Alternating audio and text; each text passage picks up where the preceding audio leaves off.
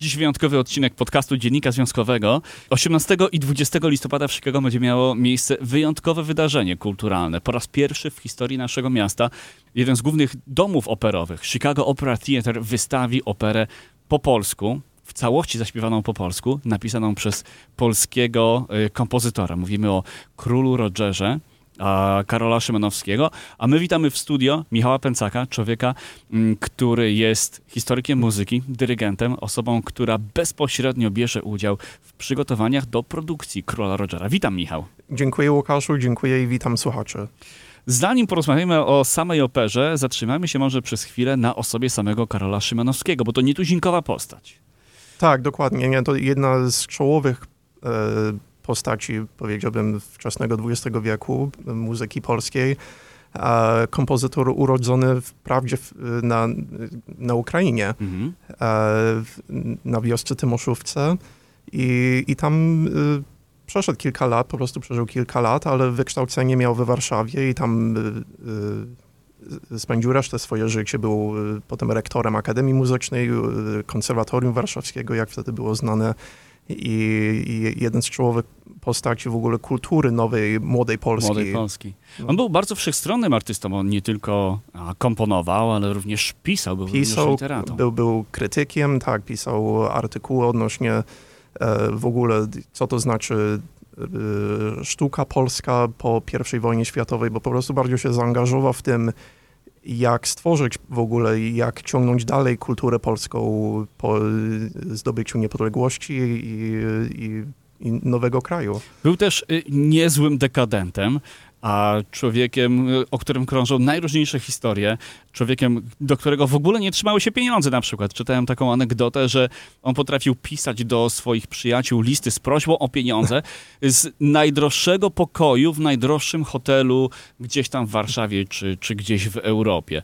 A sporo się mówiło o jego... Yy, nadużywaniu najróżniejszych substancji, sporo mówiło się o jego życiu erotycznym. Jest to na pewno bardzo barwna postać, ale postać, tak jak powiedziałeś, bardzo zasłużona w historii polskiej muzyki, bo tak. Król Roger to nie jedyna jego opera. Nie jedyna jego opera, y, wcześniejsza opera Hagit, e, to po prostu taka, można określić, no, no, wczesna próba jego pisania opery. To była jego pierwsza e, próba właśnie w tej, w tej dziedzinie i, i bardzo określić to w kilku słów, e, szczyt romantyzmu, bardzo w stylu e, Straussowskim, mhm. Richarda Straussa i, Wagnerowskim, ale naprawdę jego arcydziełem w tej dziedzinie to, to jest e, Król Roger właśnie.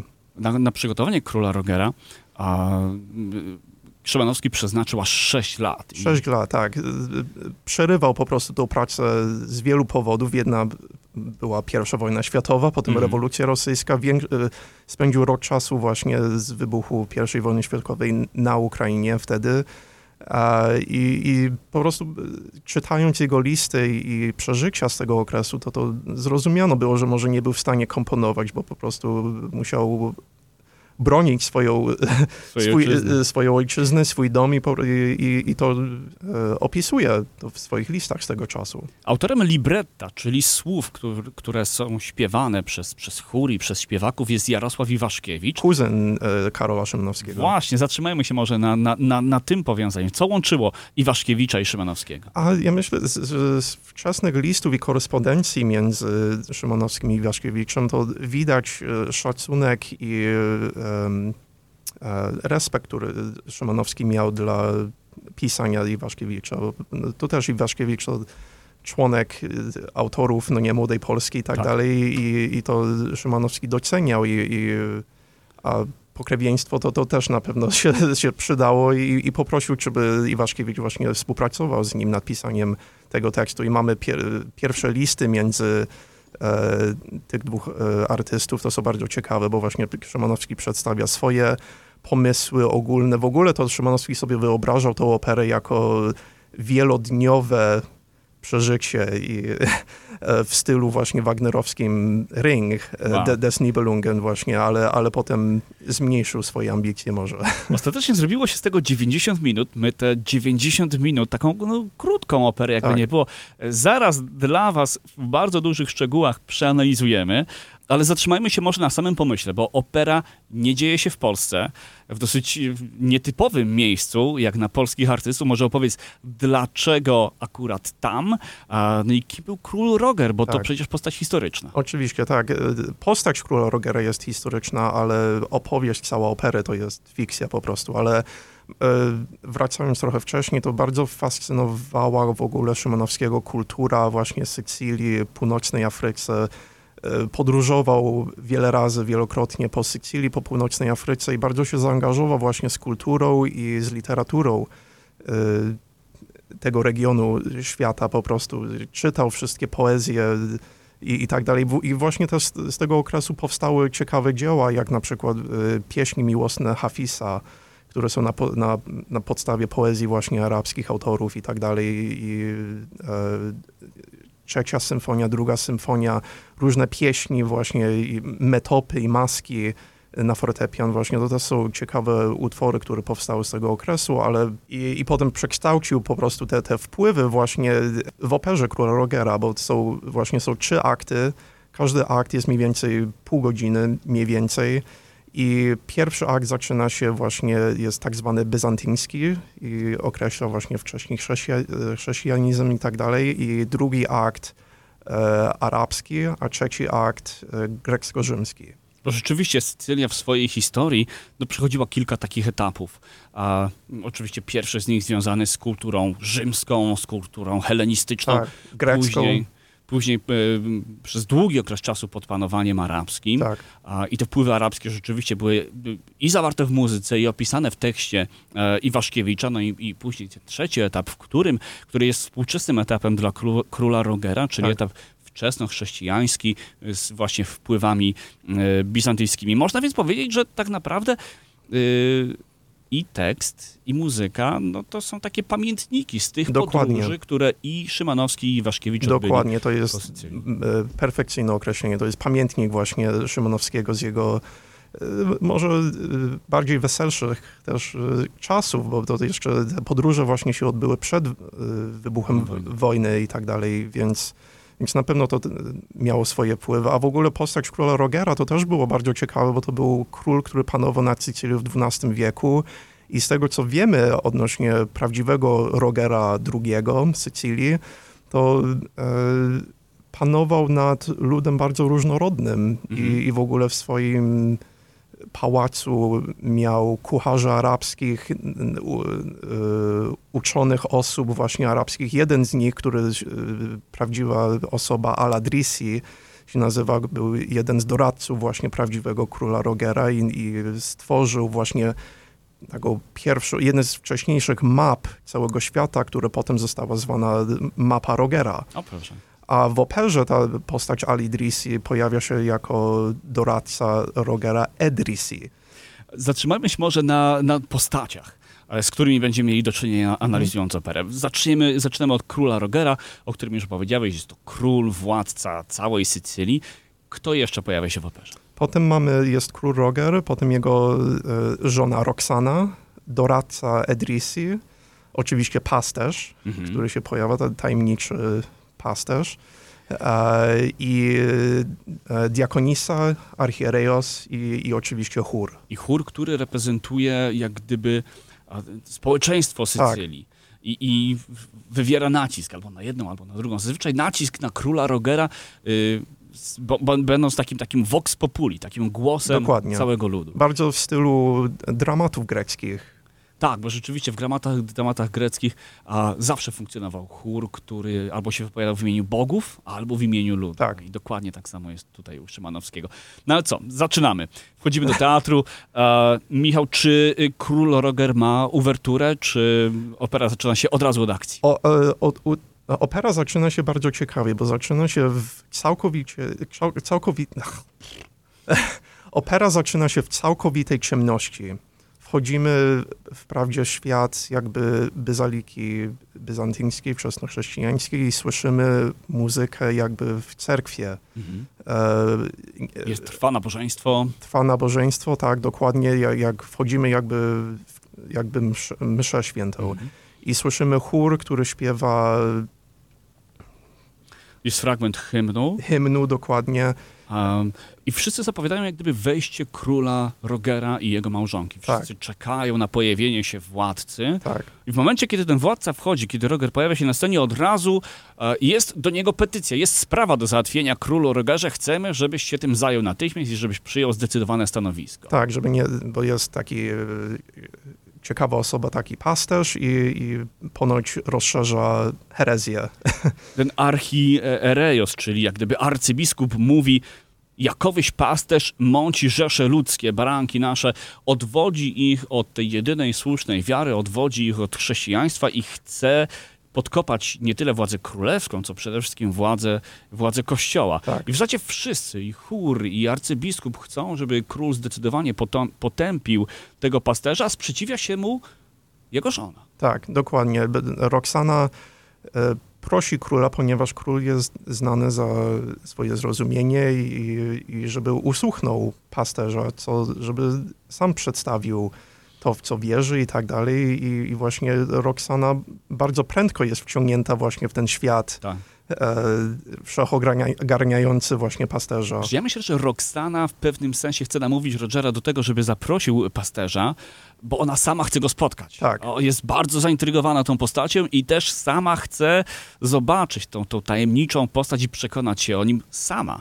A, I w zasadzie król raczej by się na to nie zgodził, gdyby nie Edrisi. Edrisi ma bardzo duży wpływ na Rogera. Roger często pyta Edrisiego o zdanie i Edrisi mówi, najpierw opisuje tego pasterza. Tutaj też szybki cytat. To młodzik, włos ma miedziany, kędzierzawy, ubrany w skórę koźlęcia, jak każdy pasterz, oczy ma jak gwiazdy i uśmiech pełen tajemnicy. I te No, ostatnie dwie linijki. Piękny język. Te, dokładnie. I te ostatnie dwie linijki Roxana zafascynowana natychmiast podchwytuje i śpiewa o, o tym uśmiechu pełnym tajemnicy. Widać tą fascynację z ich strony i widać, że, um, że chcą poznać właśnie pasterza i król im ulega, prawda? Tak, król jej ulega, ale co jest też w ogóle ciekawe, bo ten, ta cała postać pasterza spotykamy tak jak e, wprawdzie w sensie biblijnym, tak jak Jezus przed Piłata, bo jest wniesiony właśnie strażą i, i, i praktycznie rzucony przed, No właśnie, bo przed króla Rogera i, kiedy- i te wizerunki właśnie chrześcijaństwa e,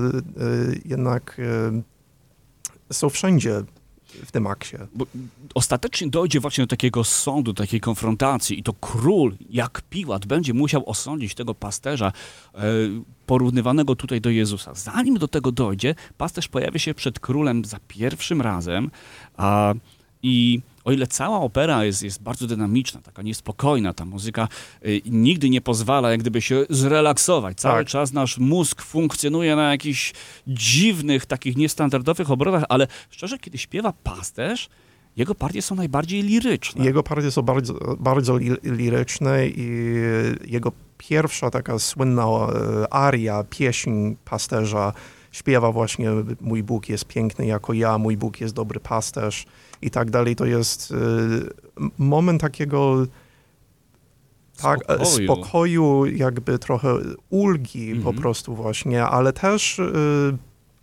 e, jest e, zawsze taki nurt właśnie trochę erotyczny Tak. w, tej, w tej muzyce. Tak, i to widać w, w zachowaniu i, i w reakcjach Roxany na Tak. to, co mówi pasterz. Zresztą pasterz później, kiedy opisuje, mm, jaka jest ta jego wiara, jaka jest ta jego religia, jaki jest jego Bóg, on, on mówi między, zwraca się do, do ludzi, którzy tam są zgromadzeni i przysłuchują się tej rozmowie. On mówi, wy, którzy cierpicie, w nocy szukacie y, y, ręki radości, on, czyli ten mój Bóg, Bóg pasterza was odnajdzie, którzy owocu słodkich ramion pożądacie, on was utuli. Czyli on oferuje coś, czego chyba wielu z tych, z tych ludzi brakuje Tak, i to idealnie trafia do Roxany. Roxana Dokładnie. się rozpływa. Tak, rozpływa się po prostu, i, ale chór jednak też ma swoje zdanie i dalej potępia Tak. e, e, pasterza. Mówi zgroza, zgroza, bluźnierstwo i tak dalej. I, i to są też e, muzycznie po prostu nawet to są bardzo ekscytujące momenty właśnie e, w tej operze. Właśnie w pierwszym akcie, jak, jak chór e, przedstawia Cały swoje czas- zdanie. Dokładnie. I, i, i, i arcydzieło y, Szymanowskiego właśnie polega na tym, że on w jednej linii y, muzycznej, przecież nie możemy tego słuchać kilka razy w kilku, w kilku ścieżkach muzycznych, jest w stanie przekazać i tą fascynację Roxany, i gniew y, tłumu, i ten spokój, który emanuje pasterz. Jest naprawdę no, arcydzieło muzyczne, żeby tak trzy różne emocje przekazać w Tak. tym samym czasie. Więc Roxana mu się poddaje, król reaguje bardzo stanowczo. On kilka razy krzyczy dosłownie na, na Roxanę. Tak, żeby milcz, milcz. Zamilcz. Tak, I, I to się powtarza przez cały czas. Pierwszy akt kończy się mm, taką sceną coraz bardziej chaotyczną, kiedy te emocje naprawdę się burzą i, tak. i, i, i aż kipi od, od tych emocji.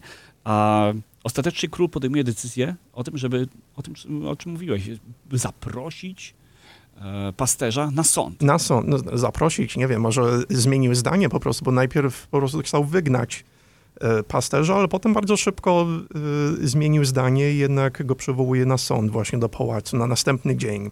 Um, pasterz, kiedy wychodzi e, z, tego, z tego kościoła, z, z pierwszego, e, pod koniec pierwszego aktu, trochę upomina króla Rogera. Czy jesteś pewny, na co ty się piszesz? Mówi, Tak. królu, pamiętaj, że sam wzywałeś mnie na sąd do siebie. Pamiętaj, królu, ja przyjdę do ciebie, pokłonię się do stóp i pamiętaj, że to sam ty tego chciałeś, że to, co wydarzy się dalej, to tak naprawdę jest, jest tylko i wyłącznie mm, twoja wola. Tak, dokładnie. Kończy się pierwszy akt, akt, który e, jest aktem bizantyjskim, tak, Tak. jak powiedziałeś. Drugi akt ma już całkiem inny charakter Całkiem muzyczny. inny charakter muzyczny, w ogóle e, barwno, wi- wizualnie i tak dalej, wszystko, zmienia się wszystko i, i tutaj e, jest e, fascynujący świat właśnie arabski, który tak samo fascynował e, Szymanowskiego. Słyszymy pod koniec aktu właśnie taniec bachalny, Mhm. e, i, który już całkowicie przeraża cały tłum, już chór zmienia w ogóle swój ton i jest całkowicie przejęty Przez pasterza. e, przez pasterza. Ja zadam ci pytanie tutaj o muzykę, bo w jaki sposób a, mówimy, że ta, ta muzyka jest orientalna. My podświadomie słyszymy, że rzeczywiście to są dźwięki, które mogą pochodzić gdzieś tam z Turcji, z Bliskiego Wschodu. Jak technicznie się to robi? Jakich instrumentów używać? Jakie Tak. rytmy używać?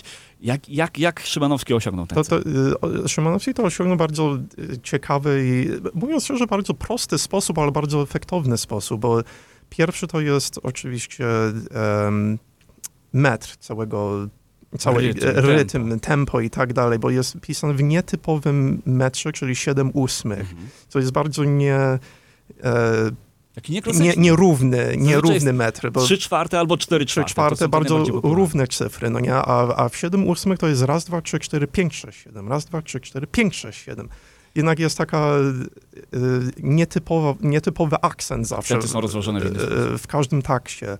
A melodyjnie to jest, korzysta z oboju, który w- orkiestrze opery to jest klasyczny obój, ale jak wiemy, to w, właśnie w tych krajach e, Arabskich. i tak dalej, to, to korzystają ze swoich wersji historycznych oboju i potem melodie, które Szymanowski pisze właśnie dla oboju, to jest, ma swoje e, akcenty modalne, e, zmienia niektóre nuty właśnie, Mhm. żeby, żeby chwycić ten ton e, Orientalny. o, orientalny właśnie. No i to, to jest, jest e, fantastyczny moment właśnie, tej, jeden z, z najfantastyczniejszych momentów tej opery. W drugim akcie przenosimy się do pałacu króla Rogera, Rogera.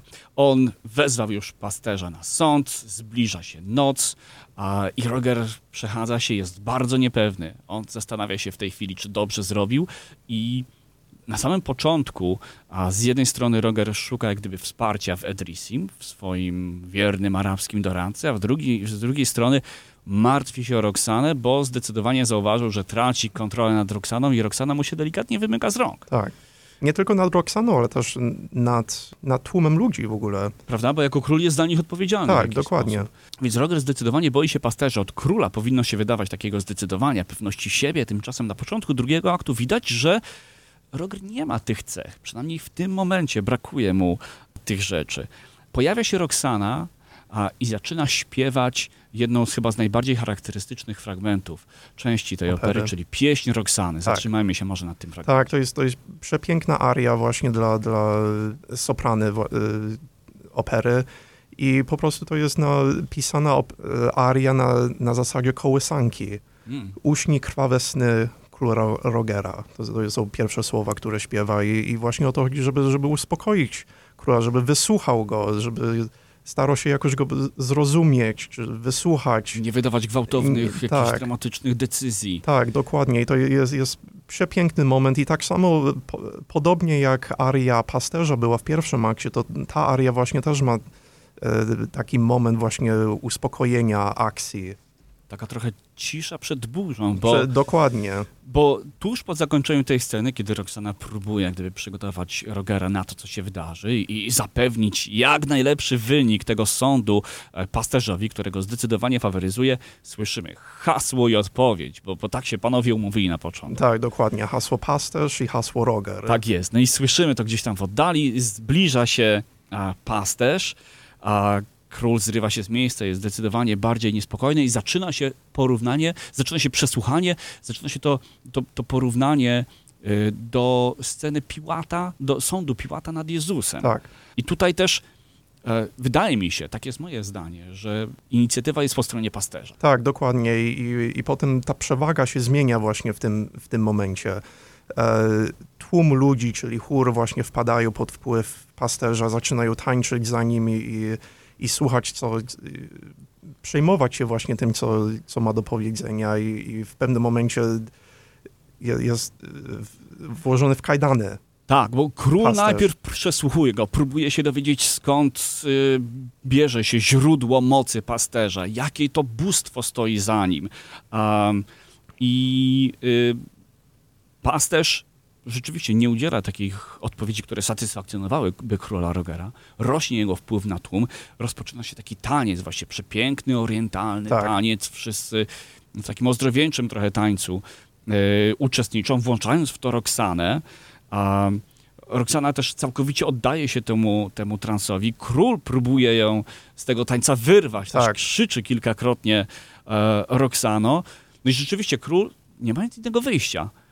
Każe zakuć e, pasterza w kajdany a, i wydać go w zasadzie na, na śmierć, ale tutaj niespodzianka. Niespodzianka, pasterz bez za, żadnego kłopotu rzuca te łańcuchy i, i też jeden z, y, ze świetnych momentów muzycznych, bardzo przerażających momentów, bo wtedy słyszymy i widzimy właśnie tą zmianę władzy, zmianę Mhm. potęgi, bo teraz już, już król Roger nie ma nic, już, zgubił y, swoją potęgę i władzę i, teraz cała moc jest właśnie po stronie pasterza. A, I pasterz przejął kontrolę nad w zasadzie wszystkimi. Koniec y, drugiego aktu to taki moment wyprowadzenia. Wychodzi pasterz, za nim wychodzi nie tylko Roxana, ale wychodzi z nim y, cały tłum. Tak. I król Roger zostaje sam, i tutaj pięknie Iwaszkiewicz pisze, że po chwili namysłu z nagłą decyzją król zrzuca koronę, zrzuca swój królewski płaszcz, odpasuje miecz i rzuca go z, rzuca go z brzękiem na ziemię a, i mówi, pątnikiem stał się król.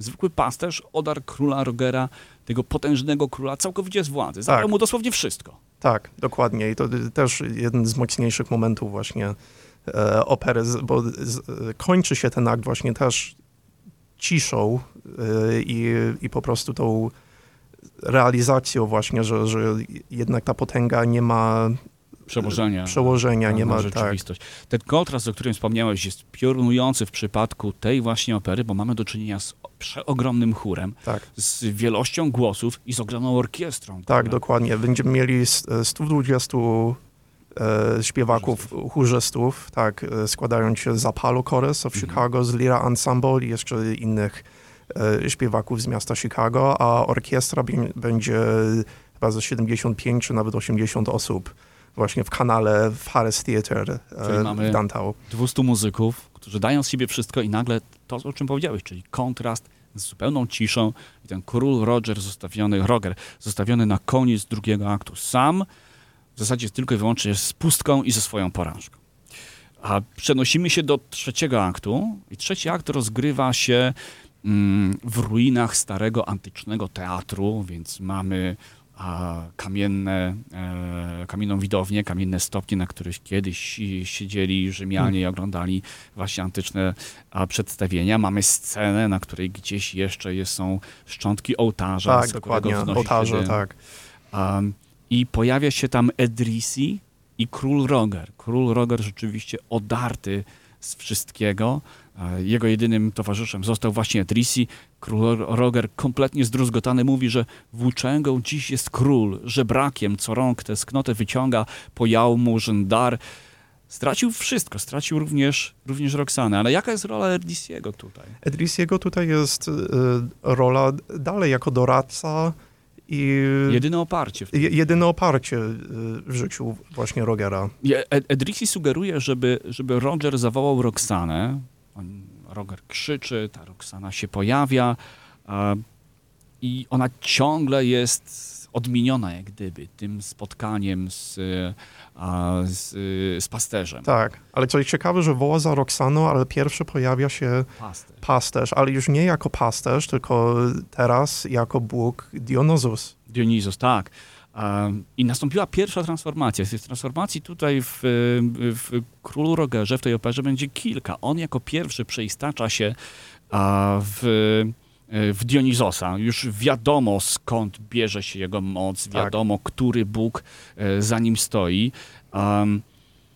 Ale y, kiedy Roxana zaczyna opowiadać o pasterzu, kiedy pasterz znów opowiada o, o swojej już, a, y, już, już sile, w momencie, kiedy Roger próbuje przywołać, tam jest taki moment, że y, Roger pyta Roxany, gdzie jest pasterz. I Roxana mówi, że on się rozpłynął, Tak. że, że odszedł, ale znajdują sposób, żeby go przywołać, e, składają jakby ofiarę Tak, na ołtarzu. tak, za, zapalają e, Kwiaty, kwiaty zioła. Zioła i tak dalej. Tak, to e, w ogóle nie wiem, to dla słuchaczy może brzmiąć to wszystko Fantastycznie. bardzo fantastycznie i, i, i tak dalej, ale właśnie o to chodziło właśnie, uważam, Szymanowskim, bo z tej wczesnej korespondencji między Szymanowskiego a Iwaszkiewiczem właśnie chodziło właśnie o, o te mocne, barwne kontrasty, nie tylko muzyczne, ale także i kulturowe. Dlatego mamy te trzy, trzy różne akty i tak dalej. I te wszystkie postacie przechodzą w pewnym sensie właśnie Metamorfozę. metamorfozę. E, Najbardziej wyraźnie oczywiście e, pasterz, Mhm. ale tak samo i, i Roger, Roxana i Roxana Roger. i Roger. Właśnie tak. do tego przejdziemy za chwilę, bo ta ofiara, król składając tą ofiarę świadomie czy nieświadomie popełnia bluźnierstwo. On sprzeciwia się wszystkiemu, burzy jak gdyby fundament swojej władzy, fundament religii, której powinien bronić. On staje się, y, może trochę nieświadomie, ale staje się jednym z czcicieli Dionizosa i czcicieli pasterza, ale w końcu ten pasterz się poddaje. Y, Pasterz się pojawia, Roxana kompletnie poddaje się y, pasterzowi, śpiewa ku tobie, w szale pieśni, w szale tańca, w upojeń raj. Chór, który Mhm. również się tam pojawił, śpiewa dokładnie to samo. Tak. Czyli oni idą, oni poddają się temu, temu pasterzowi całkowicie. Znów rozpoczyna się taniec. Tak, i słyszymy kolejny taniec właśnie bachalny czy dionizowski e, właśnie. I tak samo tutaj e, Szymanowski e, pokazuje właśnie swoje swoje moce jako ja, kompozytora. ja, jako kompozytor, bo po prostu e, ogólnie cała opera jest niesamowicie instrumentowana, ale przeważnie te, te dwa tańce to po prostu korzy korzysta z orkiestry w niesamowicie barwny sposób. E, I, i, I każdy coś robi po prostu, jeżeli mogę to powiedzieć tak wprost, bo to naprawdę jest przerażający moment. Tym tańcu następuje transformacja Roxany. I Iwaszkiewicz pisze, że w chwili największego napięcia ruchów i okrzyków Roxana, w której już od pewnej chwili czuło się budzącą y, tajemniczą siłę, zrzuca nagle swój długi płaszcz i ukazuje się w stroju greckiej menady, więc ona tutaj się przeistacza. Tak, I to przeistoczenie będzie bardzo widoczne, mam nadzieję, na scenie. Więc jest tą drugą postacią, która się zmienia. Później jest kolej na króla Rogera. na króla Rogera, ale tak, i to jest właśnie ciekawe, bo w, w oryginalnej wersji Iwaszkiewicza trzeci akt wyglądał zupełnie inaczej. E, Król Roger, podobno jak, jak tłum, jak chór i Roxana i tak dalej, po, poddał się po prostu Dał się pasterzowi. wchłonąć jak tak się w ten wchłonąć właśnie w ten cały świat i po prostu było proste takie zakończenie, ale jednak e, Szymanowskiego może nie chodziło o takim prostym zakończeniu, że po prostu e, poszedł razem z tłumem, Mhm. tylko jednak zostaje sam e, Na scenie, na, na, na, na, scenie Roger i, i przemyśla i, i po prostu może się podda w pew, pewnym sensie, ale dalej utrzymuje swoją swoją Królewskość, królewsko- swoją istotę. sw- swoją istotę właśnie, nawet nie królewsko może, ale, ale po prostu jako, jako człowiek, Mhm.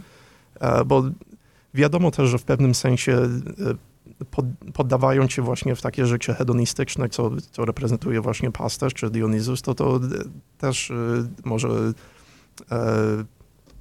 polegać do, do ruiny swojej właśnie, tak. tak. samo jak te ruiny, które widzimy z początku aktu. O, dokładnie. I to jest kolejny symbol. No Roger zostaje sam na scenie wtedy, zaczyna świtać. Wtedy kończy się noc, władza pasterza więdnie wraz y, z ustaniem nocy, wschodzi słońce i kiedy spojrzycie na przykład na plakat, który firmuje tą produkcję króla Rogera, słońce jest takim prominentnym symbolem i ta ostatnia scena, ostatnie kilka minut, dokładnie odpowiada na pytanie dlaczego, skąd wziął się ten, ten element słońca. Ten element słońca, Roger zostaje sam na scenie i oddaje swoje serce słońcu. Śpiewa słońce, słońce, jak białe skrzydła mew na modrej y, mórz roztoczy, mm, le, jak lekkie zwiewne, jak białe piany fal. I on tak naprawdę jednoczy się ze Słońcem, staje się Słońcem. Niektórzy mówią, że przeobraża się w Boga Apollo. No właśnie, to, to, jest, tak, to jest właśnie ciekawy element zakończenia tej opery, bo to nie ma... Yy... Nie ma jednoznacznego wytłumaczenia. Nie ma jednego znacznego wytłumaczenia, dokładnie. I to zostaje właśnie takie otwarte zapytanie, co, jak, to właśnie zainterpretować. Ja myślę, i w tym sensie to jest bardzo e, ciekawy moment dla słuchaczy w teatrze, bo to po prostu mogą każdy wyjdzie... wywnioskować właśnie po, po, po samemu.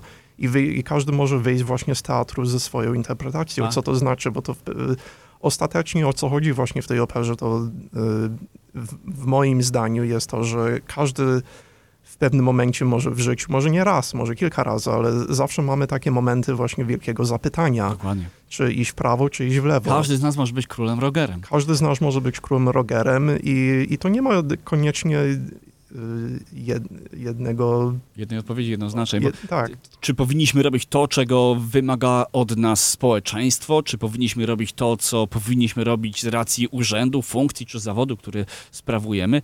Czy na przykład posłuchać tego, czego chce od nas żona, albo jakiś dobry przyjaciel, albo to, co podświadomie wydaje nam się, że jest dobre.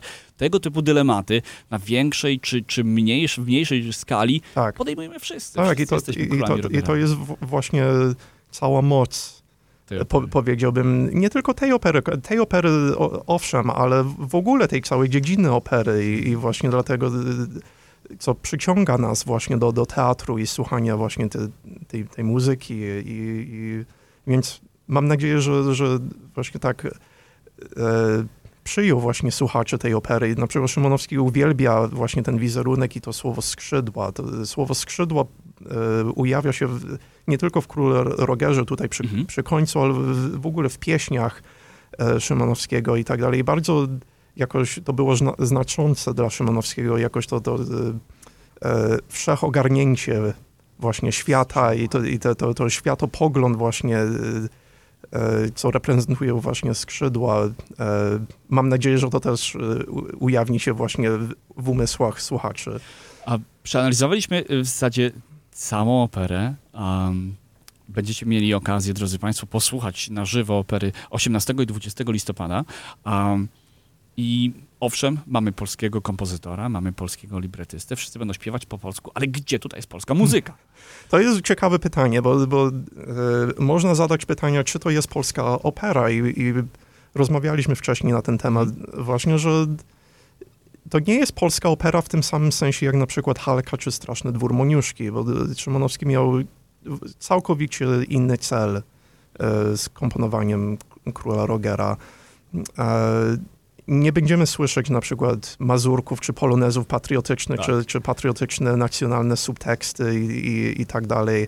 Ale co jest ciekawe właśnie, że to jest opera, e, no tak jak wspominaliśmy, bardzo wszechogarniającym światopoglądem.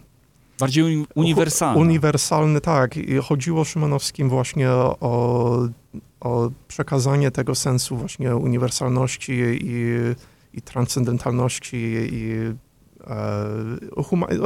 ostatecznie to ja uważam to za bardzo humanistyczną operę.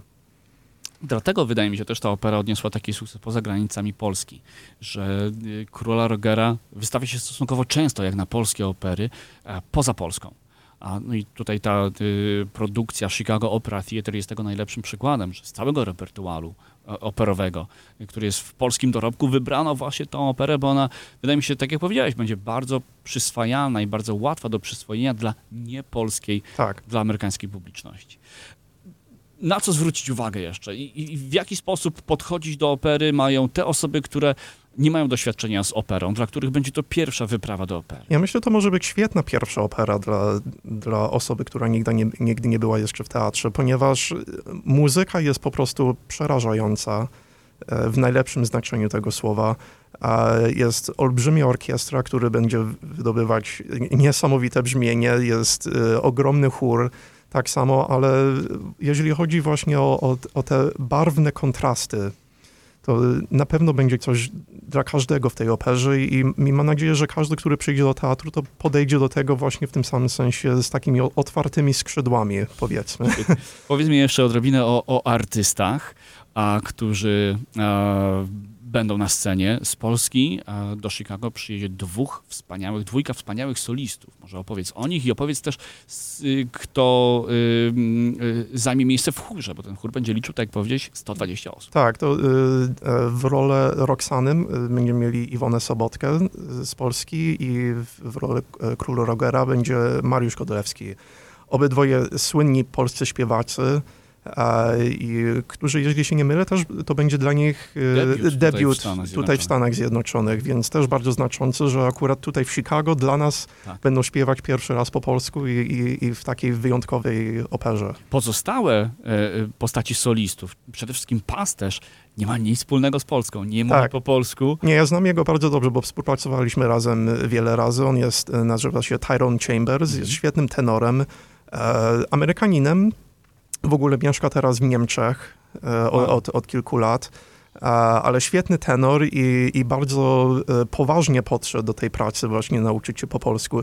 Śpiewał kilka pieśni, nawet jazzowych, e, po, Po polsku? polsku, po polsku w, poprzednich latach, ale teraz współpracowałem z nim właśnie przez Zoom i teraz jak, jak wróci do, do Stanów, to, to razem się spotkamy na, na kilka właśnie korepetycji polskiego języka, ale też wiem z tego, co mi opowiadał, że był nawet e, we Wrocławiu i, i i miał korepetycje właśnie z, z innym z polskim śpiewakiem, który śpiewał tą rolę i tak dalej, więc bardzo poważnie podchodzi do tego i naprawdę jest, mogę powiedzieć, świetnie przygotowany. Bo Michał, jednym z twoich zadań a jest również to, żeby nauczyć nie Polaków śpiewać po polsku, Tak. prawda? Jak to się robi? E, e, najpierw, e, co za, zacząłem, to przygotowałem w ogóle całe przetłumaczenie do języka angielskiego i do fonetycznego alfabetu, Mhm. całego libreta. Więc każdy śpiewacz operowy to jest uczony czytać po prostu w stylu fonetycznym, czy to będzie po niemiecku, czy po włosku, czy po francusku. Bo to nie chodzi, że każdy śpiewak koniecznie mówi płynnie po tych językach, ale musi wiedzieć, umieć wyśpiewać i wy, wydać te, te wszystkie Dźwięki. dźwięki e, każdego języka, więc najpierw przygotowałem to i, i teraz przez ostatnie kilka tygodni, miesięcy miałem spotkania nie, albo e, w cztery oczy, albo na, przez Zoom czy Skype'a i, i czytaliśmy po prostu cały tekst i, i uh, pomagałem im po prostu z, z, szy, czy, ży, No ziet i, i, i tak dalej z tymi. Rozmawiamy pod koniec października, więc do premiery zostały niespełna trzy tygodnie, a na początku listopada y, lądują tutaj w Chicago soliści Tak. z Polski. Powiedz, jak wyglądają przygotowania, jak wyglądają próby na ostatniej prostej tuż przed premierą? Tak, teraz to, to e, mieliśmy już kilka prób właśnie indywidualnie z chórami, czyli najpierw Ap- Apollo Chorus mają, prowadzili swoje próby, Mhm. na których ja byłem i pomagałem im. Byłem też na próbie z Lira Ensemble i w, przyszłym tygodniu we wtorek będziemy mieli pierwszą ogólną, ogólną próbę z całym chórem już z, z 120 osobami właśnie w jednym pokoju. E, Więc to będzie na pewno e, wspaniały moment. I potem w przyszłą, z następną niedzielę zaczynamy już e, próby muzyczne Z z. Lidią, nie z orkiestrą jeszcze, tylko z pianinem. Najpierw e, próby z Lidią e, Jankowską i z Dylanem, właśnie który, reżyserem. Dylan jest reżyserem, Lidia Jankowskaja jest e, dyrygentem, która poprowadzi orkiestrę, która poprowadzi całą operę i w piątek, i w niedzielę. No, drodzy Państwo, no, idźcie.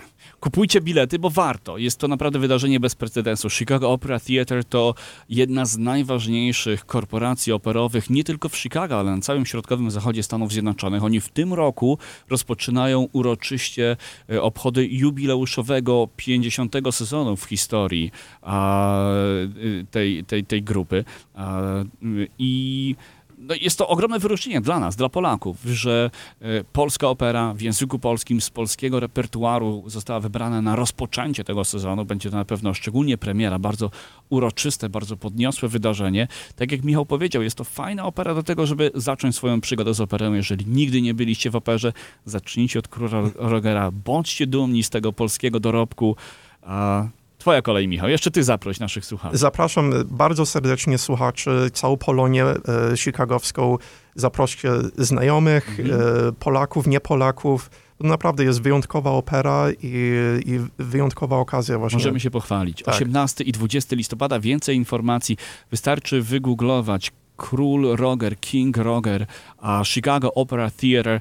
Na pewno znajdziecie Państwo.